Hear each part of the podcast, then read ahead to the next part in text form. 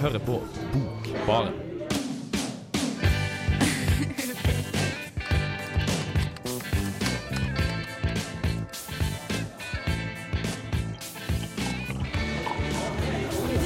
hører på Bokbarn!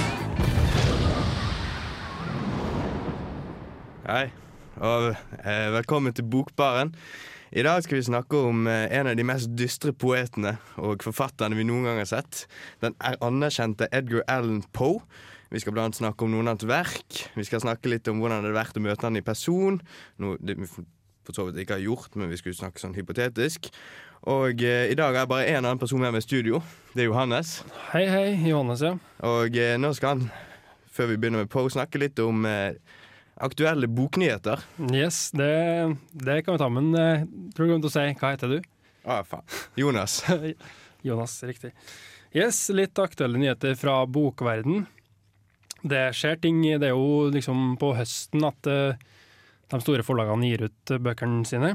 Så kan starte med eh, en, forfatter som jeg har fulgt med de siste årene, som er fra Bergen, faktisk. Der er vel du fra? Ja. Pedro Carmona Alvarez heter han. Aldri hørt om han. Nei, han er, som navnet kanskje tyder på, han er fra, opprinnelig fra Chile, eller familien er fra Chile. Men han har vokst opp i Norge hele sitt liv, da. Så han har gitt ut eh, både diktsamlinger og, og romaner før. Han har gitt to veldig bra romaner, en som heter Rust, og en som heter Å være skiftet, og det ble sommer, heter. Begge dem veldig bra. Um, Men nå så har han kommet med ei ny diktsamling som heter 'Samtaler med onkel Nika og tante Viola'. Den har kommet på Kolon forlag, og vi har nettopp fått den inn på her i Bokbaren, faktisk. Det var noen som har bestilt den til oss. Så Ja, det var helt tilfeldig. Vi fant den liggende ute på kjøkkenet, og eh, ja, det, det blir kult å lese. Den skal jeg lese. Um, der tar han utgangspunkt i onkel Nika. Der er det en referanse til en chilensk poet som heter um, Nicanor Parra. Som er veldig viktig i chilensk uh, han litteratur. Har har noen normale navn i bøkene sine. Sånn, eh, er det noen Hanser eller Petter eller Lars? Godt spørsmål, egentlig. Han er veldig glad i sånn type liksom, ja, Han er veldig glad i Latin-Amerika. Han er veldig opptatt av Latin-Amerika. Pedro um, Carmona Alvarez om at han Ja, det kan være flere grunner til det, men kanskje en del av det er jo at han kommer derfra sjøl, så klart.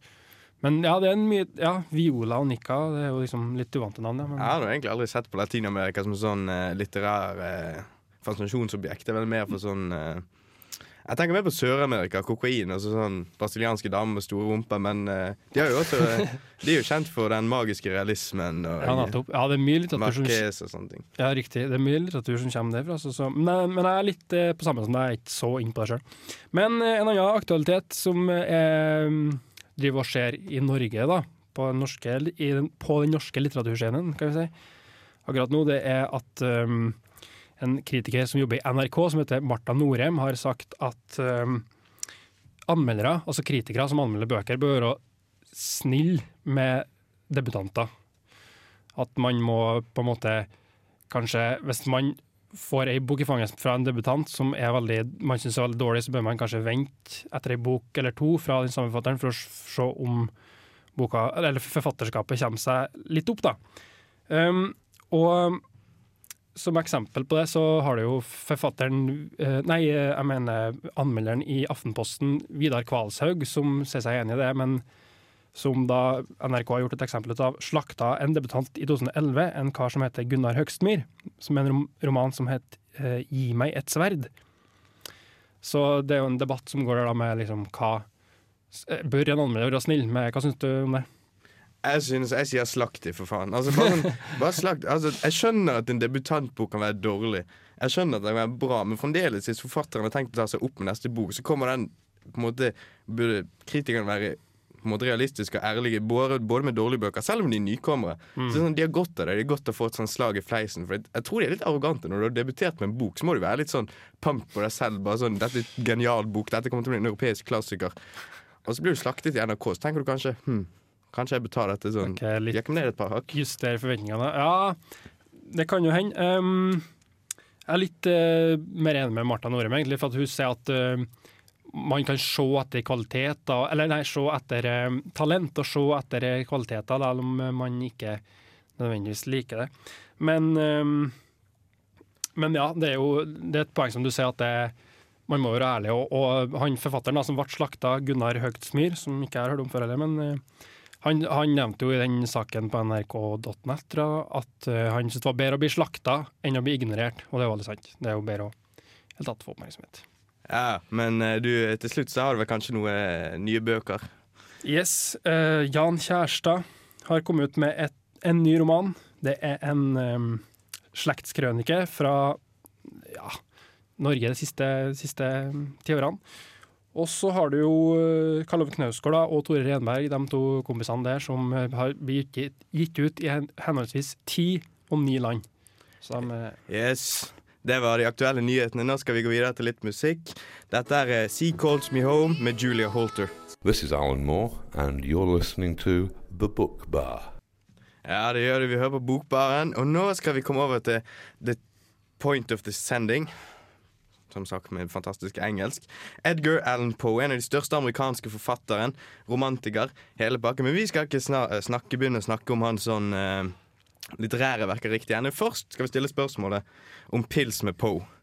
For av dere som kjenner Poe bare sånn på ryktet, så er han en ganske sånn dyster, melankolisk skribent. Han skriver mye sånn om døden og eh, sykdom og forfall og alt det der. Og da er det store spørsmålet Var han sånn som person også? Ville jeg tatt en pils med Poe? Og viktigere alt, Johannes, ville du tatt en pils med Poe? Eh, hadde jeg hatt sjansen til det, så jeg hadde takka ja, tror jeg nesten. Altså. Men eh, jeg lurer, lurer på om du, tenker at han eh, Tror du han bare hadde- snakka om de tingene morbide og kjipe tingene over en pils, eller? Nei, nei, jeg har jo jeg har og lest litt sånn i forberedning til denne sendingen, og for å være ærlig, jeg tror Poe var en jævlig sånn hyggelig fyr å være med, egentlig. For at folk som skriver veldig dystert, de må jo nødvendigvis ha sånne gledepunkter i livet sitt. Hvis ikke så hadde de jo tatt sitt eget liv. Mm. på et eller annet punkt.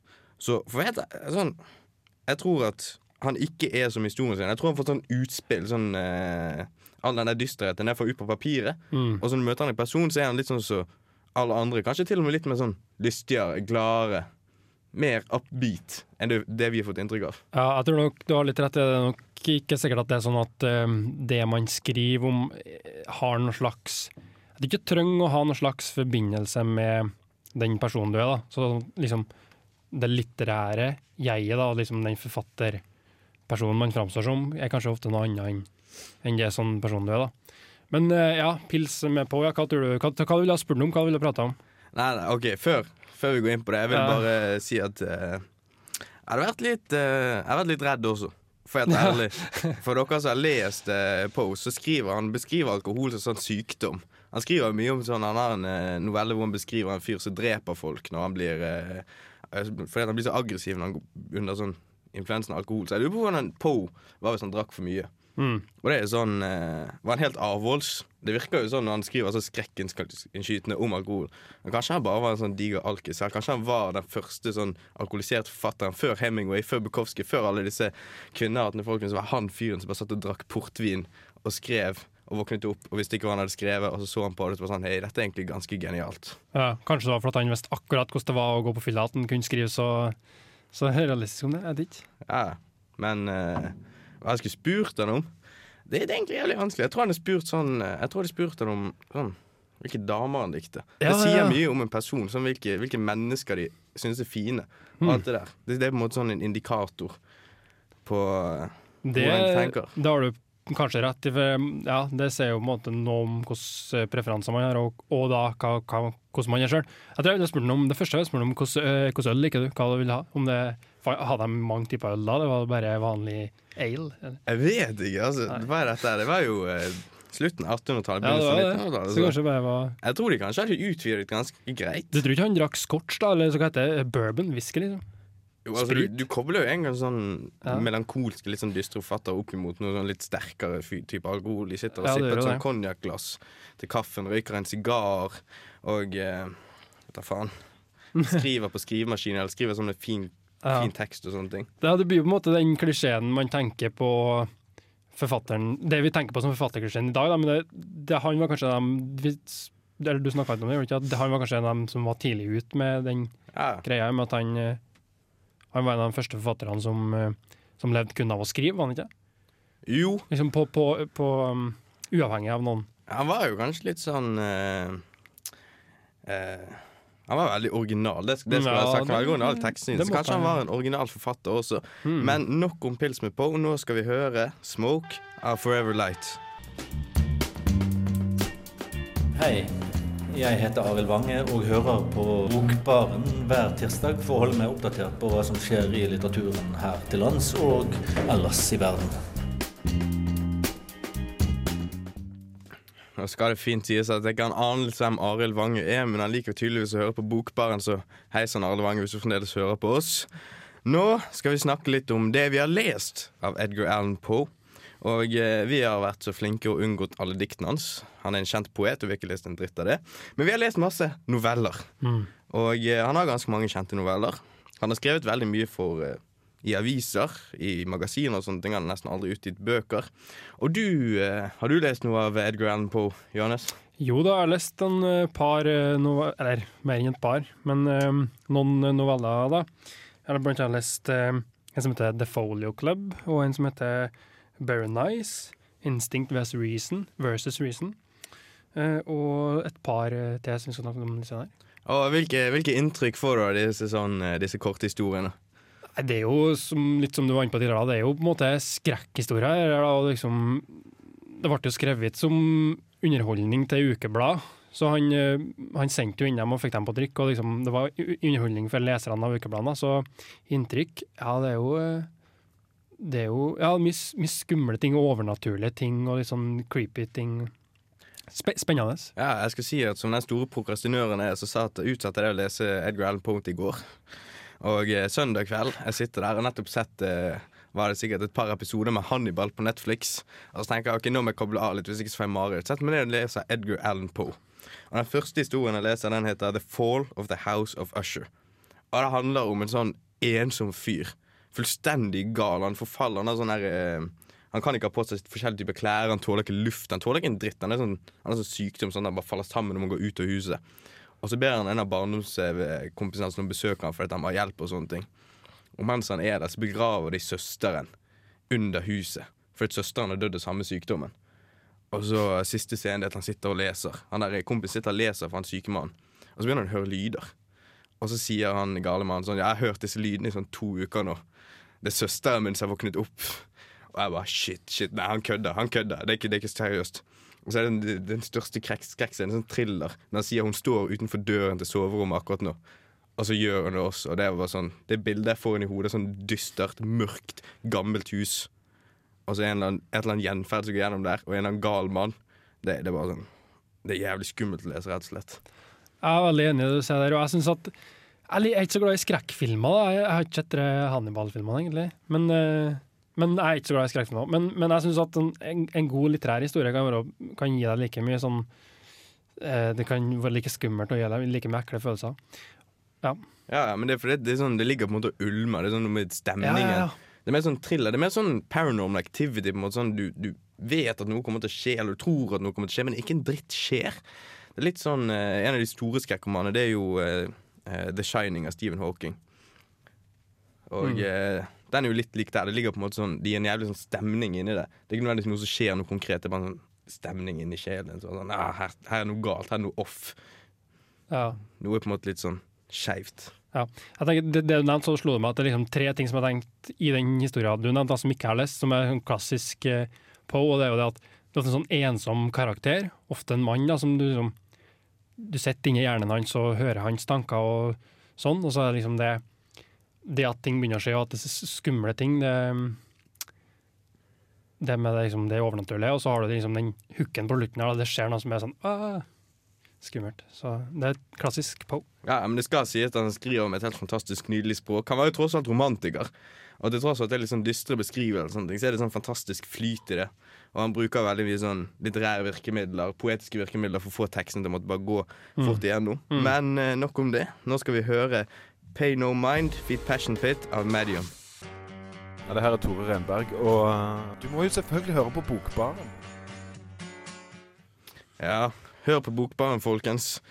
Eh, nå skal vi gå videre til en litt mer eh, spesifikk historie. Den heter eh, ah, Hva den heter igjen? Uh, The Telltale Heart. Ja, Telltale Heart. Det er en av de, det er en av de mest kjente. Den er ganske kort. Du finner den på nettet sånn hvis du har lyst til å lese den. De ligger Mesteparten av hans verk ligger ute på nettet, for de hadde ikke copyright på 1800-tallet. Så de driter. Men uh, du har lest den eh, på litteraturvitenskap, var det ikke? Jo, det, ja, du har lest den nå, du. Hva- ja. Ja, jeg har lest den nå. ja, det er jo stund siden. Jeg tror det var i fjor, eller, ja, fjorvinter kanskje jeg har lest den boka, for den er pensum på en av mange tekster som er pensum på litteraturvitenskap. Ja. Og det er en veldig kul tekst. Det er jo en sånn som, litt som vi snakka om i stad, at det er sånn typisk eh, skrekkhistorie. Men òg liksom det spenningselementet. Du som har lest den først, kan kanskje si litt om hva den handler om? Den er nesten, den er nesten latterlig, for. Altså, det, det, det, det fikk inntrykk. For det handler om en fyr som uh, han, eh, han bor med en gammel mann. Og den gamle mannen han begynner, han begynner å skrive historien sånn fra første perspektiv. Så sier han 'jeg er ikke gal'. Du kommer til å tro at jeg er gal, men jeg er ikke gal. Nå skal du høre hvorfor. Hør hvor flink jeg var da jeg drepte denne mannen her. Hvorfor drepte han han? Jo, fordi han hadde et crazy eye. Han likte ikke det øyet til den gamle mannen. Så han var sånn så Han har sånn nøye beskrivelse av hvordan han hver kveld i syv dager sto med lanternen sin, snek hodet sitt inn døren, og så så han på han i en time, og så gikk han ut igjen. Så gjør han det syv ganger, så åttende gangen så går han inn, og så lager han en lyd, og så åpner han den gamle mannen øyet, og så skinner det sånn lys bort på han. Så står han helt stille i en time, for har den gamle mannen ikke lyst til å legge seg. Og så angriper han han, og så dreper han han, og så legger han han legger han under bordplatene. Og så kommer politiet, selvfølgelig, for de har, de har hørt det, og at det, det har skjedd noe. Og så blir han sånn jævlig cocky. Han bare sånn Ja, de kommer aldri til å finne denne gamle mannen uansett. Så setter han, han inviterer inn på soverommet til den gamle mannen, og så setter han seg setter han ned, og så begynner de å chit-chatte.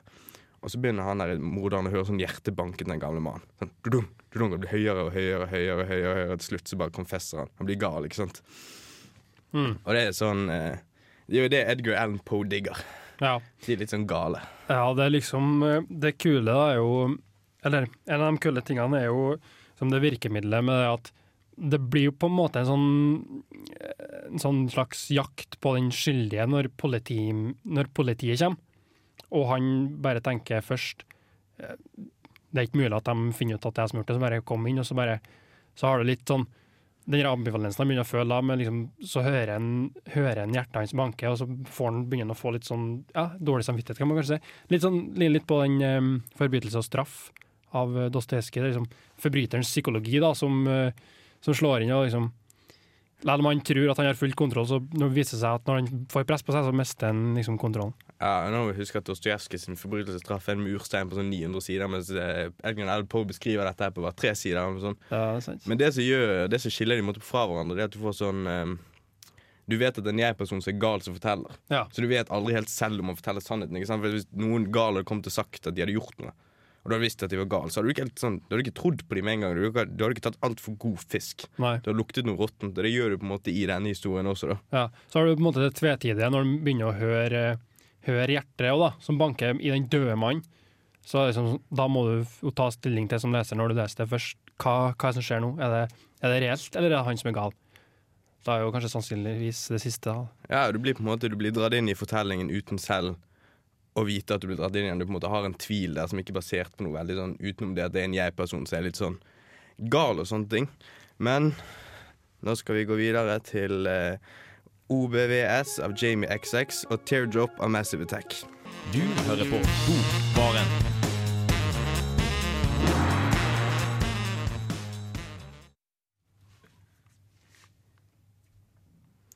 Å, eh, det var eh, noe musikk, rett og slett. Og eh, nå skal vi stille det største spørsmålet. Det spørsmålet alle professorer i litteratur noen gang har stilt seg. Edgar Allan Poe. Simon skriver skrekkhistorier, men hvem kan ikke skrive skrekkhistorier? Så hvorfor har han blitt kjent som en av de største forfatterne og poetene verden har sett? Har du noen tanker om dette, Johannes? Ja, det, det er jo kanskje for at han var nå, tenker jeg. At det, liksom, det kan jeg aldri skrive krim for nå er det så mange som har gjort det etterpå, men han var jo veldig tidlig ute med det. Så det er jo én ting. Og så har du jo det Liksom den tematikken eh, som han var opptatt av. Liksom det med, vi snakket om nevnt det, den teksten 'The Man in the Crowd', og det at han er opptatt av liksom, individet alene imot man, dem mange rundt.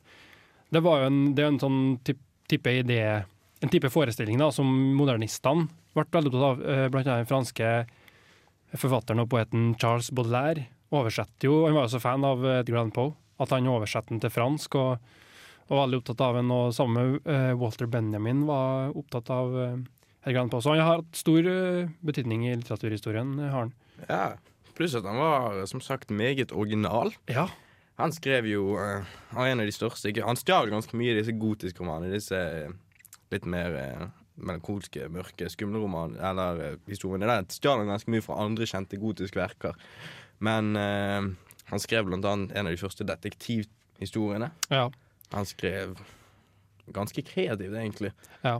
Blant annet om eh, en ballongferd over Atlanteren som han fikk trykket i en avis. Og så stilte folk seg opp, for de trodde det var legit. Han skrev sånne detaljer om hvordan denne ballongen så ut, hvor lange bjelkene var, hvem som var oppi den, hvor smarte de var. Og så stilte folk seg ut for å se at den kom over, over kysten inn til New York. Så kom det ingenting, da, fordi det var fiction. Så han, han fucket egentlig med alle sammen Mm. med å skrive det. Mm. Da det sto i avis, da, og derfor folk trodde det. Ja, ja. Ja, ja. ja, nei, altså det er jo som du sier, at det er originaliteten hans som gjør at han har blitt stående så lenge. Og jeg tenker mange av de historiene som i hvert fall jeg har lest, og, eller som vi har lest nå, er jo på en måte Du merker det veldig at det er veldig gode, gode historier. Da, for at det, det er ingenting, ingen setninger, ingenting som er overflødig der. Det er veldig sånn eh, Det er veldig sånn drivende Vi snakka om tidligere, eh, det er god, han har god struktur på tekstene, og veldig driv, driv i fortellingene. da hver, eh, hver replikk, hver, eh, hver setning er, er verdt noen ting, og liksom tar historien framover. Så det er Ja, veldig, det er veldig- kvalitet og originalitet. Det er veldig presist. ikke sant? Ja. Det, er veldig, det, er veldig, det er fantastisk god flyt. Du merker på prosaen at han er poet. Du merker at han vet hvilke ord som passer sammen, hvilke ord som måtte rulle godt på tungen. Og sånne ting Mm. Og så vet han hvordan han skal holde plottet gående. Han vet når han skal avslutte, han vet når han skal heve ting, han vet når han skal øke spenningen. Alt det der. Ja, nesten så liksom all, Alle cliffhangers far, eh, liksom. Han er veldig sånn Ja, Han er på en måte Han er en mester av thriller. Jeg tror Ja. at eh, Hvis Edgar Allan Poe hadde blitt født i dag, så hadde han lagd noen jævlig bra filmer. Ja. Han lagd noen helt sånn forferdelige thriller. Folk folk hadde tisset på seg i kinosalen når de hadde sett Edgar Allan Poe sine filmer. Og jeg tror ingen av de har blitt filmatisert der. Det er sikkert noen sånne gamle stumfilmer fra 20-tallet. Og folk syns det er verdt å filmatisere. Men eh, hvis jeg hadde vært en habil regissør på noe helst område, så hadde jeg lett tatt en av disse historiene og så eh, lagd en kort film av han. Mm. Det, var, det var en god idé. Jeg vet ikke om det fins noen film av det. Det gjør det kanskje. Nei, men eh, nå skal vi videre. Vi skal høre på Now I'm Ready av Keep Shelly in Athens. Hallo, dette er Karl Ove Knausgård. Hver gang jeg er i Trondheim, så hører jeg på Bokbaren. Et fantastisk, eh, fantastisk bokprogram. Ja, Velkommen tilbake. Det var Knausgård som sier at vi er så fantastiske. Og jeg må si at jeg er fullstendig enig. Eh, nå er vi Nå skal vi gå litt vekk fra ganske langt vekk fra Edgar Allan Poe. Og i stedet snakke litt om eh, noen dikt som vi har lest, eller noen diktbøker som vi har kommet oss gjennom.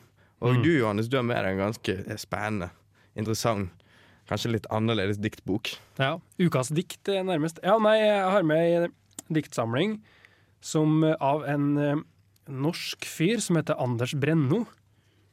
Eh, den heter Det har en sånn artig tittel som Vampire Yeah. veldig rar tittel, men liksom det, det spiller litt innhold i boka. Det er veldig sånn mye engelsk sleng og liksom kul, eh, kul stil på. Jeg har aldri valgt ut den boken fra bok, bokbutikken, fordi at eh, hva er det, hva er det som detter inn i hodet mitt, eller ditt, eller hvem som helst egentlig, tror jeg når du hører dikt, at de skal være alvorlige og kronglete og vanskelig å tolke. Altså alt fra moderne eh, poesi, modernistisk poesi, til sånn eldgammel Sonettene til Shakespeare, du kan ikke tolke de, de kan aldri tolkes, fordi det er så mye dritt og symboler og alliterasjon og alt mulig rart i de. Er dette sånne dikt? Nei, det, jeg vil jo kanskje si at de er en del enklere enn så. Det er, i hvert fall si at du kan lese dem litt. De er litt enklere, og de har en sånn, en sånn eh, De snakker ganske direkte, da. Jeg kan lese litt av et dikt. Det har noen ganske kule titler. For eksempel, dette heter 'Sperra av livet'. Det går sånn. Come on, baby. Vi sover på kirkegården i natt. Nyter følelsen neste dag av å være de eneste som våkner. Så har jeg diktet litt lenger òg, men liksom, det er en kul frase. Er det, er det et dikt om sex på kirkegården? det er faktisk det er ganske Det er poetisk. Altså, Det hvis, er jeg, hvis, jeg hadde Det hatt, hvis jeg hadde hatt samleie på en kirkegård, så hadde jeg tenkt sånn det eneste, jeg, det eneste jeg egentlig gjør, det er å vise fingeren til døden når du gjør sånne ting. Det er bare sånn, Fuck døden, jeg skal lage liv på Det var en, det var en bra tolkning. Men, Ja. men sånn, det med liksom, det har liksom Diktene hans er veldig sånn eh, De snakker rett fra levra. Det, det er kult, da, i stedet for som du sier, at eh, en, mange tenker på dikt og poesi som noe som er veldig sånn, vanskelig tilgjengelig. Og liksom, veldig rart, men det kan jo være litt simpelt òg. Det minner meg faktisk akkurat det diktet minner meg om uh, Addison-diktsamling. 'Love is a dog from hell' av Charles Bukowski. Ellers kjent som en ganske dyster, uh, ganske sånn uh, nihilistisk forfatter. Men han skrev noe lignende som at uh, 'having sex is like fucking death in the ass while singing'. det var hans syn på, på det. Det er litt sånn samme ting, men han skriver også ganske sånn uh, lette å forstå dikt, men det er på en måte sånn underliggende ganske sånn nyansert, eller litt sånn smålig, sarkastisk tone til seg. Ja. Dikt kan jo måtte være alt, da, men det du har jo det med humor òg i dikt, som det du nevnte her, og det er en del av den diktsamlinga Vampire Yeah. At, øh, at du det, det, det, Ja, ironi, humor. Det er kanskje ikke noe man først tenker på med dikt, men det finnes jo plenty av det. Ja, ikke sant? Og eh, jeg syns at eh, satire og parodier og ting er en sterkt undervurdert form av litteratur. For at folk tenker kanskje at litteratur skal være alvorlig, ta opp de store problemstillingene. eh, Ta opp livets mening, ta opp død, liv og sånne ting. Men mange av de er egentlig ganske sånn bare sånn parodiserende, altså humoristiske, satiriske, komiske, rett og slett. Ja, det er jo en del av livet, det òg. Ja, Ironi og kødd. Og... det, er en, det er en fantastisk viktig del av livet. Noen Ja. ganger så må du ikke ta det så forferdelig alvorlig. Og det er mange kjente forfattere som har tendens til å gjøre akkurat det. Ja. Blant annet Edgar Allan Poe, folkens. Veldig, veldig alvorlig mann. Mens eh, Kanskje ikke etter noen pils. jeg tror han bare ble mer alvorlig etter det. altså Kanskje, kanskje den typen, ja. Eller eh, du vet jo aldri. Noen folk de er sånn melankolsk full, mens andre de er ganske sånn gladfull. Mm. Og eh, jeg velger nå å tro at Edgar Allan Poe var en ganske gladfull mann. ja. Og kanskje han fyren der som har skrevet 'Vampire en ganske sånn melankolsk full. Det, det vet jeg ikke. Altså, ja, det kan hende. Han er jo norsk, da, så det går jo kanskje an å han, går, han lever jo nå, så går det an å ta en øl med han. Ja, Det er i hvert fall praktisk mulig. og det er en diktsamling, og nå skal vi høre litt mer på musikk. Dette her er 'Pretty Pimpin' av Kurt Wiel. Hei, det er Pedro Carmona Alvarez. Du hører på Bokbaren på Radio Revolt. Ja, velkommen tilbake, alle sammen. Nå er det snart slutt på denne sendingen her, og eh, vi har snakket ganske mye om Edgar Allan Poe. Og eh, det jeg lurer på, Johannes, er er du keen på å lese mer av den typen der? Ja, det er jeg faktisk. Jeg hadde kun lest eh, den The Telltale Heart før vi skulle begynne å forberede oss til, til den sendinga her. Um, men nå fikk jeg kjempelyst til å lese mer. Og liksom korte, det er korte novelleaktige historier som er kjappe å lese og kan lese litt innimellom. Ja, jeg er faktisk jeg er ganske enig der. Jeg får litt sånn eh, Jeg tror jeg er mer sånn tiltrukket det, det fantastisk nydelige språket. Mm. Ikke det at, altså Han er en historieforteller. Han er sikkert veldig veldig grei som bare hat som faen når du skal fortelle sånn kreative historier på slutten av dagen, men jeg liker han bedre pga. språket, og det er det jeg har lyst til å lese mer av. Du får lå- låne eller kjøpe noen av uh, diktbøkene hans. Han har jo ikke dikt, og det er sikkert enda mer av det språket. Ja, Ja, det er det jeg tenker. Jeg, har, eh, jeg vet ikke hvordan dikten hans er, da. Men eh, jeg har tenkt å kanskje kjøpe Selected Works i én stor bok. Men det var det vi hadde for i dag. Dette, er, dette har vært Jonas og Johannes. Og vi sier ha det bra for Bokbaren. Dette er Fire on the Mountain av Fail Wilhagen.